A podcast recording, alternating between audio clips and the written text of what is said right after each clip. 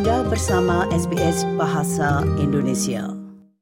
Pendengar, pengeluaran untuk listrik rata-rata rumah tangga di Australia bisa lebih dari 2.500 dolar per tahun untuk tahun ini karena harga energi yang meroket.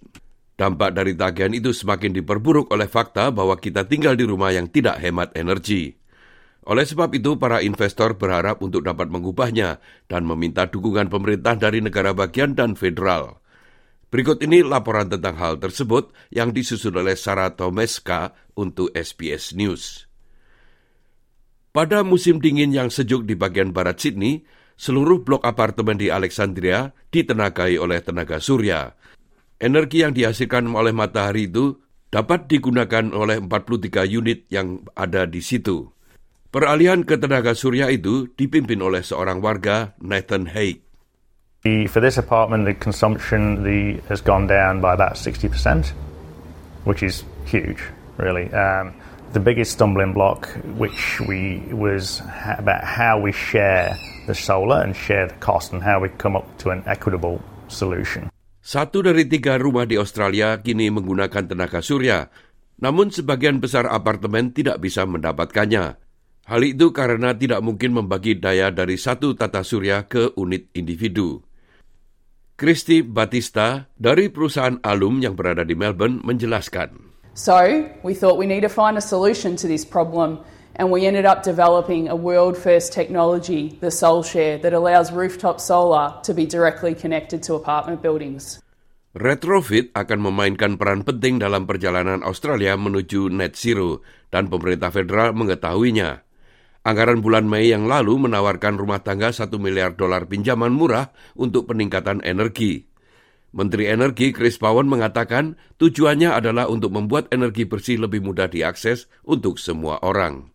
It makes the, the playing field more level, gives people on lower incomes a better chance to make the sorts of investments they'd like to make.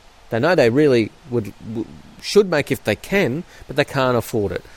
Pengurangan pajak sebesar 310 juta dolar telah diberikan untuk bisnis yang menginvestasikan dalam energi terbarukan dan 300 juta dolar yang ditujukan untuk memberi energi kepada perumahan umum dan jumlah itu akan diimbangi oleh negara bagian.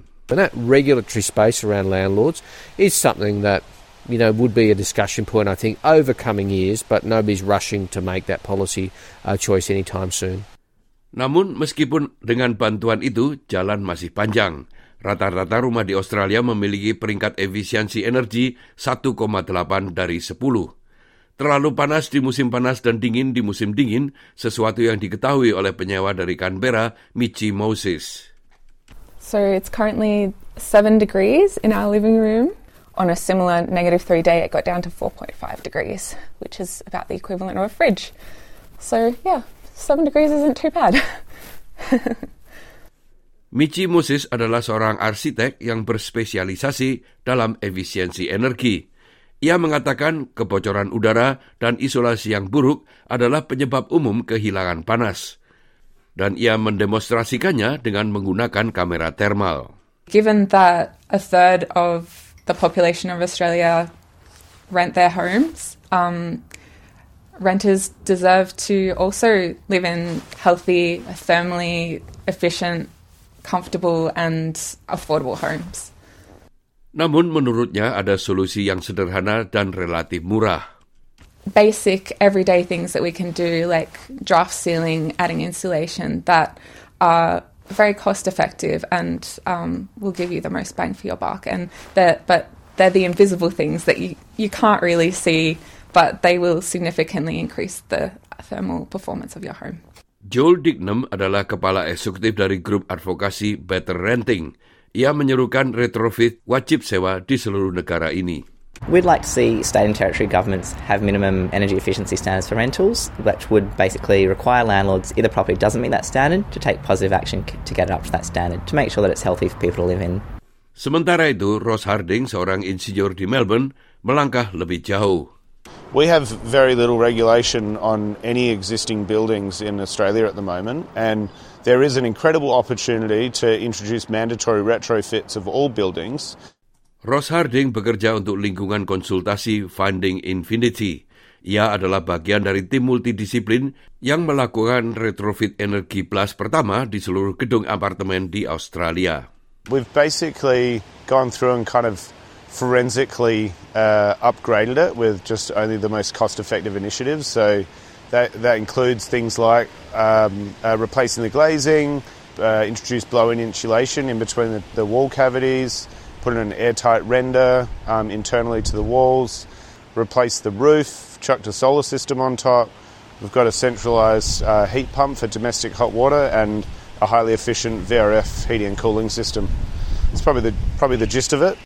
Peningkatan energi menelan biaya 400 ribu dolar, namun hasilnya penyewa mungkin tidak perlu membayar tagihan energi. Namun retrofit semua bangunan bukanlah kebijakan yang dikejar oleh Partai Buruh. Menteri Energi Chris Bowen mengatakan pemerintah dapat memainkan peran yang lebih besar dalam standar energi di masa depan.